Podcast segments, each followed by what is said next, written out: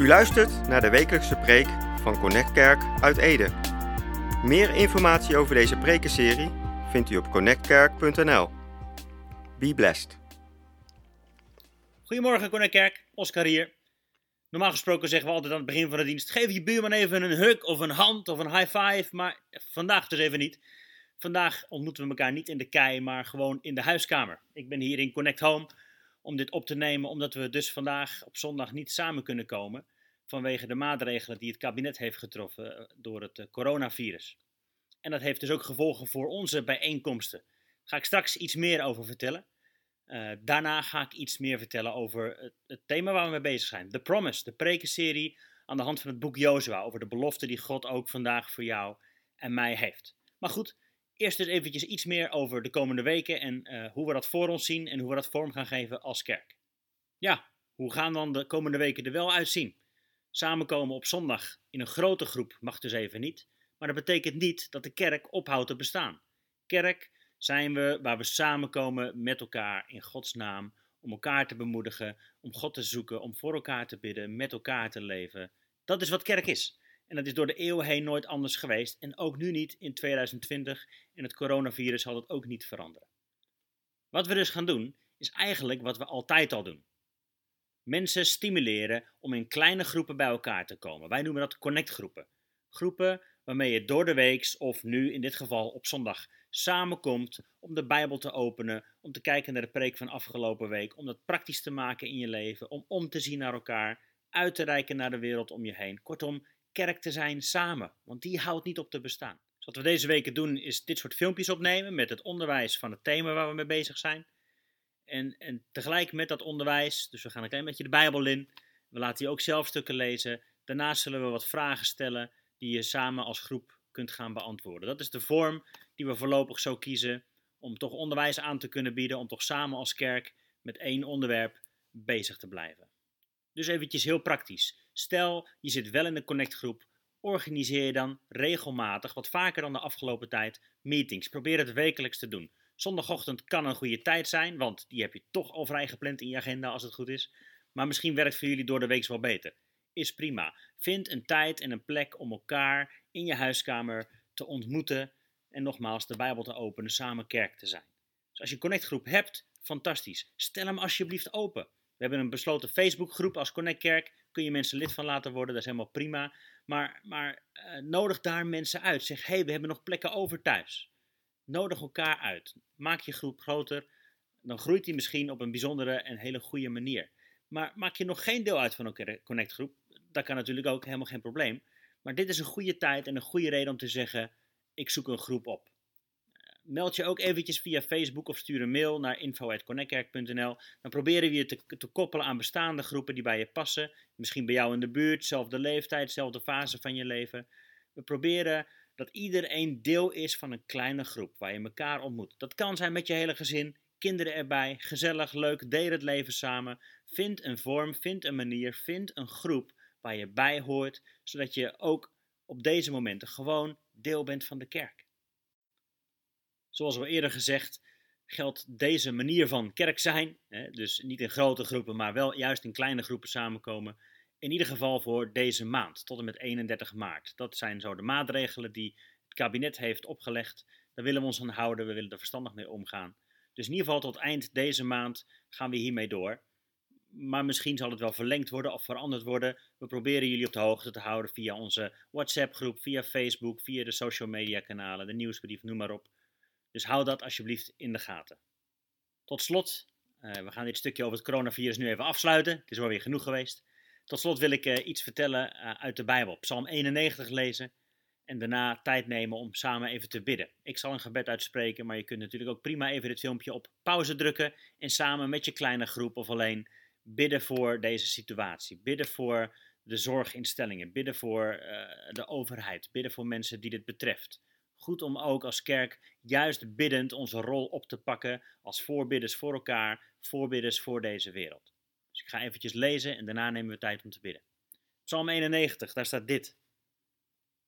Wie in de schuilplaats van de Allerhoogste is gezeten, zal overnachten in de schaduw van de Almachtige. Ik zeg tegen de Heer, mijn toevlucht en mijn burcht, mijn God, op wie ik vertrouw. Want hij zal u redden van de strik van de vogelvanger, van de zeer verderfelijke pest. Hij zal u beschutten met zijn vlerken. Onder zijn vleugels zult u de toevlucht nemen. Zijn trouw is een schild en een panzer. U zult niet vrezen voor het beangstigende van de nacht, voor de pijl die overdag aankomt vliegen, voor de pest die in het donker rondgaat, voor het verderf dat midden op de dag verwoest. Al zullen er duizend vallen aan uw zijde en tienduizend aan uw rechterhand, bij u zal het onheil niet komen. Slechts met uw ogen zult u het aanschouwen. U zult de vergelding van de goddelozen zien. Want u, Heer, bent mijn toevlucht. De Allerhoogste hebt u tot uw woning gemaakt. Geen onheil zal u overkomen, geen plaag zal uw tent naderen. Want hij zal voor u zijn engelen bevel geven, dat zij u bewaren op al uw wegen. Ze zullen u op de handen dragen, zodat u uw voet aan geen steen stoot. Op de felle leeuw en de adder zult u trappen, u zult de jonge leeuw en de slang vertrappen. Omdat hij liefde voor mij opgevat heeft, zegt God, zal ik hem bevrijden. Ik zal hem in een veilige vesting zetten, want hij kent mijn naam. Hij zal mij aanroepen en ik zal hem verhoren. In de benauwdheid zal ik bij hem zijn. Ik zal hem eruit helpen en hem verheerlijken. Ik zal hem met lengte van dagen verzadigen. Ik zal hem mijn heil doen zien. Fantastische psalm, waarin beschreven wordt dat God onze toevlucht is. Hij is onze redding, Hij is onze burcht, Hij zorgt voor ons. Waar ik ook nog aan moest denken is het volgende, dat dat wat de vijand, vijand als, als kwaad heeft bedacht, kan God omdraaien en ten goede gebruiken. Ik zou je willen vragen, bid daarvoor. Bid dat alle ellende, bid dat alle ziekte, alle angst die er ook heerst, misschien een goede ingang is om juist iets over het koninkrijk van God te vertellen. Waar iets, iets waar, waar God doorheen kan werken. Dat wat gebruikt kan worden als kwaad, kan God omdraaien tot iets goeds, iets positiefs. Zullen we samen bidden? Heere God, dank u wel dat u trouw bent, dat u groter bent, dat u regeert. Daar willen we mee beginnen, Heer. We, we horen om ons heen dat het coronavirus heerst, maar we willen zeggen en beleiden en proclameren dat Jezus heerst. Dwars door alle dingen heen bent u koning, bent u God en willen we bidden, uw koninkrijk komen, uw wil geschieden, zoals in de hemel, zo ook op de aarde. Vader, we willen echt bidden voor uw vrede voor ons land. Vrede en wijsheid voor de regering, vrede en wijsheid en kracht voor iedereen die in de zorg werkt en hierbij betrokken is. Vader, wilt u ze zegenen, beschermen. We echt bidden, Heer, dat u dit om kunt draaien tot iets goeds, iets positiefs. Natuurlijk bidden we voor iedereen die hier door getroffen is, die misschien besmet is of ziek thuis is. Vader, we willen, zegen voor uw, we willen bidden voor uw zegen, voor uw uh, genezing, voor heling, voor herstel. Maar ook hier dwars doorheen kunt u iets moois bouwen. Kunt u opening geven. Waardoor we uh, opening hebben om te praten over uw koninkrijk. Te praten over, over wie u bent, over uw goedheid. Waarom we niet in angst hoeven te leven, maar vertrouwen mogen hebben in de God die onze redding is, die onze burcht is, die onze genezing is, die onze heiland is. Vader, ze zegenen ons land, we zegenen onze gemeente, dat ook dit uh, zal meewerken ten goede, dat we hier sterker uitkomen, dat we hierdoor zullen groeien in discipelschap, in onderlinge relaties, in liefde voor elkaar, maar ook in liefde voor de wereld om ons heen. Vader, zo zegenen we elkaar in de machtige naam van Jezus. Amen. Amen. Amen. Zet gerust het filmpje eventjes op pauze om samen met elkaar te bidden of alleen te bidden voor deze situatie. Zullen we dat doen? Ik wacht wel eventjes.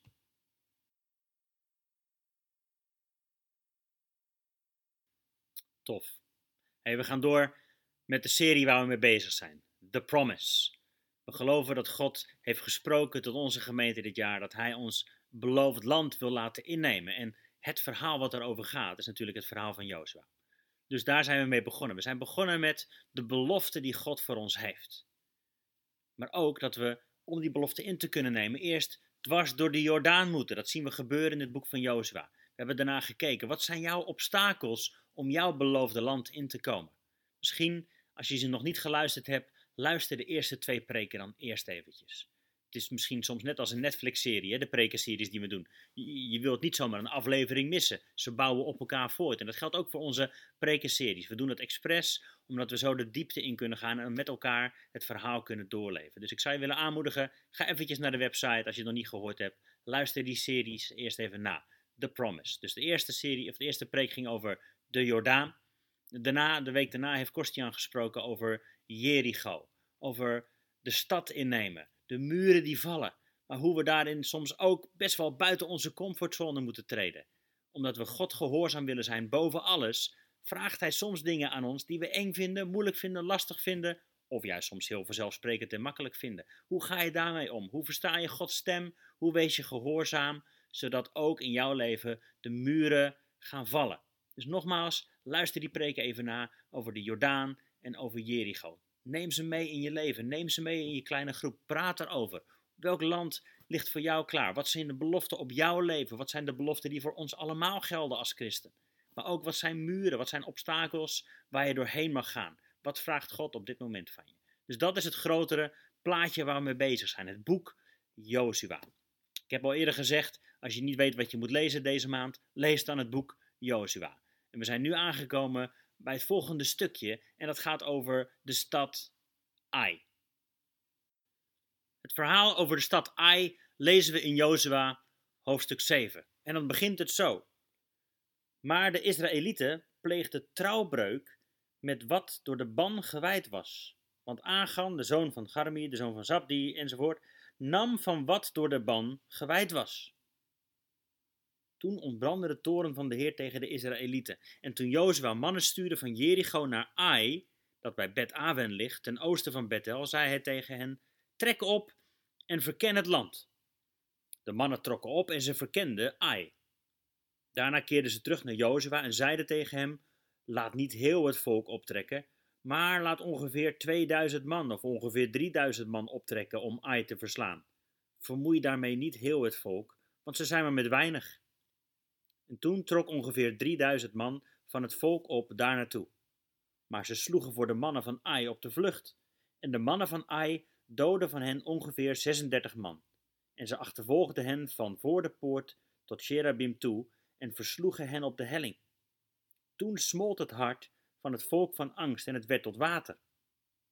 Toen scheurde Jozua zijn kleren en hij wierp zich met het gezicht ter aarde voor de ark van de Heer tot de avond hij en de oudste van Israël. En ze wierpen stof op hun hoofd. En Jozef zei, ach heren, heren, waarom hebt u dit volk de Jordaan toch laten oversteken, om ons in de hand van de Amorieten te geven, om ons om te brengen?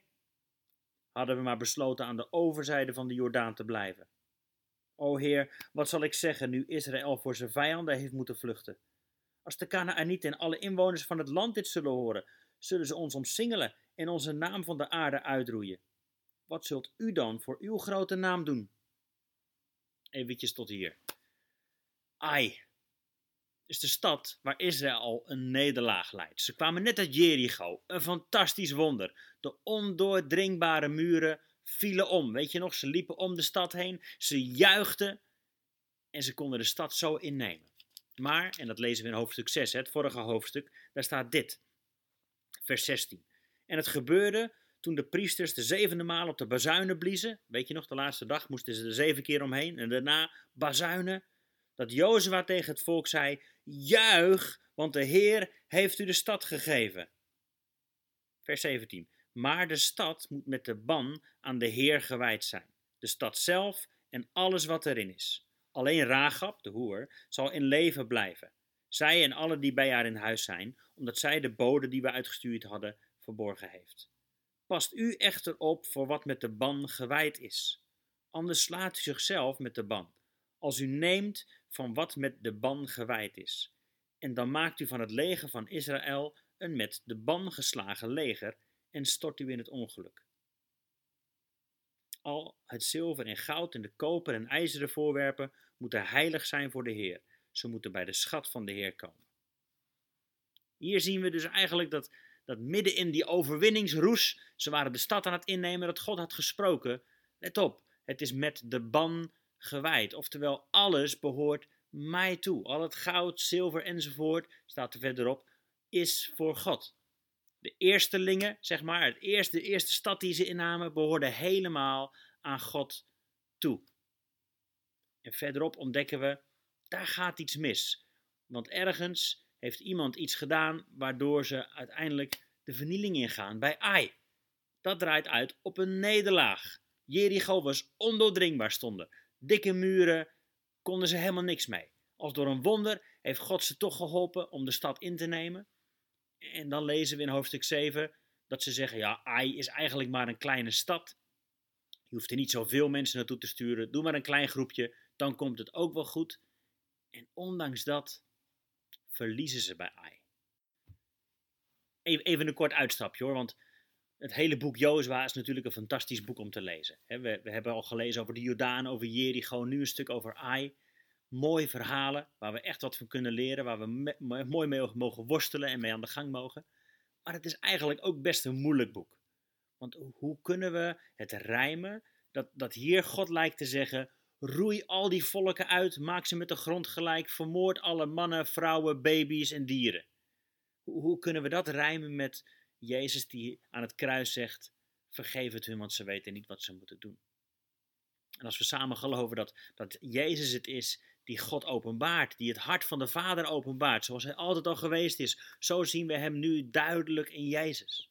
Hoe, hoe rijmen we dat met elkaar? En dat zijn echte vragen die we aan elkaar mogen stellen, want dat zijn ook de vragen, denk ik, die de mensen om ons heen hebben. Hoe kun je van die God geloven, of in die God geloven, van die God houden? Hoe kun je geloven dat Hij liefde is, als Hij dit lijkt te zeggen?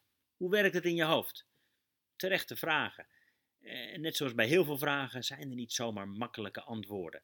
Het is toch belangrijk om dat met elkaar over te hebben. En om het tegen elkaar toe te geven. Te zeggen, ik, ik weet het niet zo heel goed, ik weet het niet precies. Bijvoorbeeld over, over het verhaal van Jozua, over de inname van het land en over het vermoorden van al die volken. Theologen zijn het ook niet per se met elkaar eens. Er zijn een heleboel verschillende gedachten over. En die kunnen naast elkaar bestaan. Soms lijken ze elkaar tegen te spreken, maar het is belangrijk om er met elkaar te blijven over te worstelen. De vragen te stellen en, en te erkennen, we weten het niet zeker. Bijvoorbeeld sommige theologen denken dat uh, of eh, zeggen dat uh, de, de alle volken die daar woonden in dat beloofde land, waar Israël naartoe zou gaan, alle volken die daar woonden, waren tot op het bot verdord. Het was verrot. Er waren zoveel verkrachtingen, misbruik, kinderoffers, afgoderij. Het was verrot, letterlijk en figuurlijk. Er was zelfs, zeggen ze, vermenging tussen mensen en misschien wel goden. Net zoals we dat in het verhaal van Noach zien. Eh, dat, er, dat er reuzen rondliepen. En altijd als er reuzen in de Bijbel voorkomen, dan is er iets echt goed mis.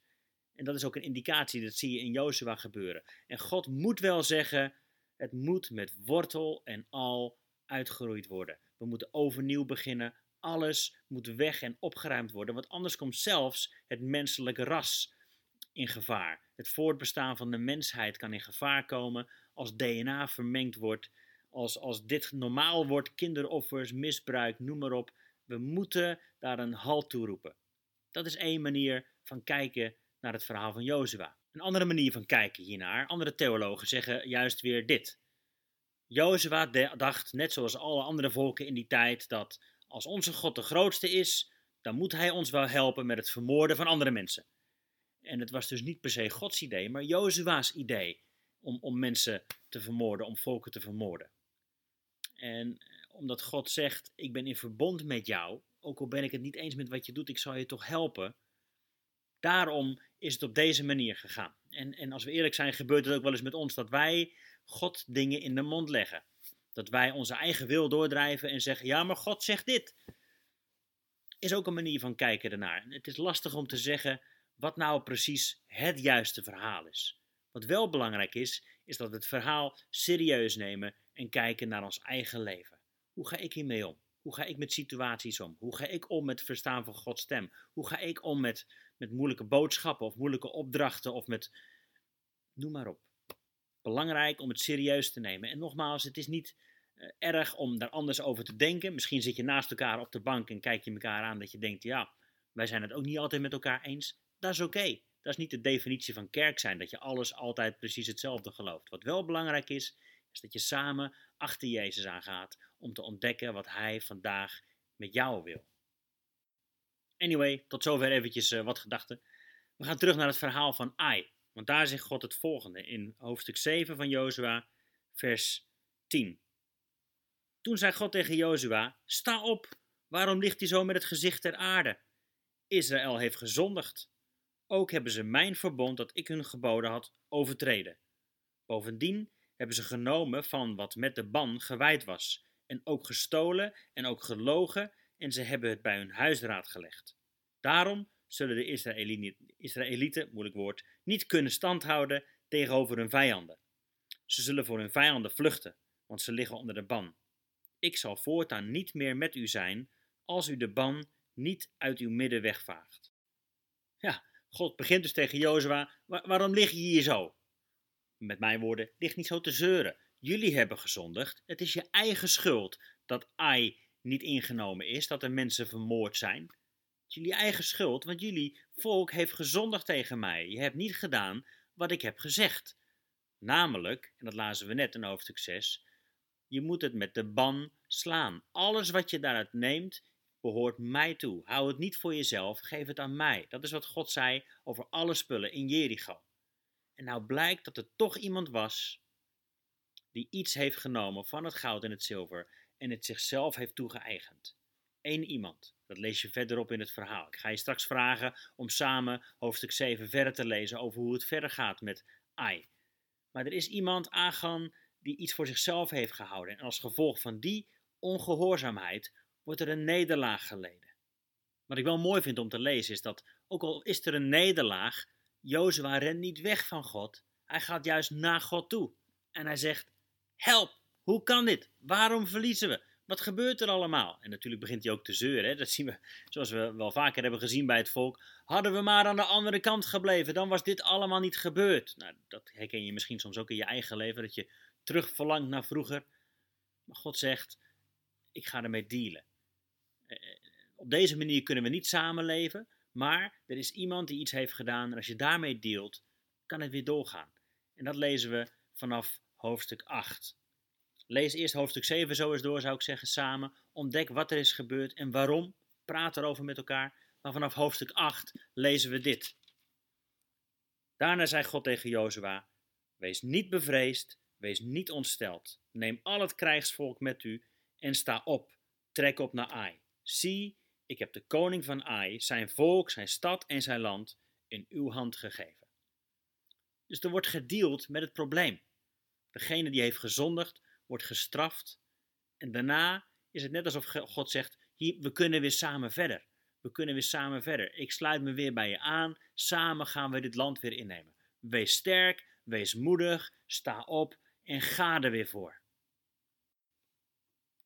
En dan in hoofdstuk 8 lezen we dat uiteindelijk door te gehoorzamen aan Gods woord, aan zijn strategie, aan zijn manier van innemen, nemen ze inderdaad de stad Ai in. God houdt niet op als we een keer zonde hebben begaan. Hij gaat met ons door. We ruimen het op en we gaan verder. Nou, er zit zoveel in wat we hieruit kunnen leren. Dus ik zou je willen vragen, straks lees met elkaar hoofdstuk 7 en 8. Als je het nog niet gedaan hebt, pak hoofdstuk 6 er ook eventjes bij, want daar begint het natuurlijk met Jericho. 6, 7, 8.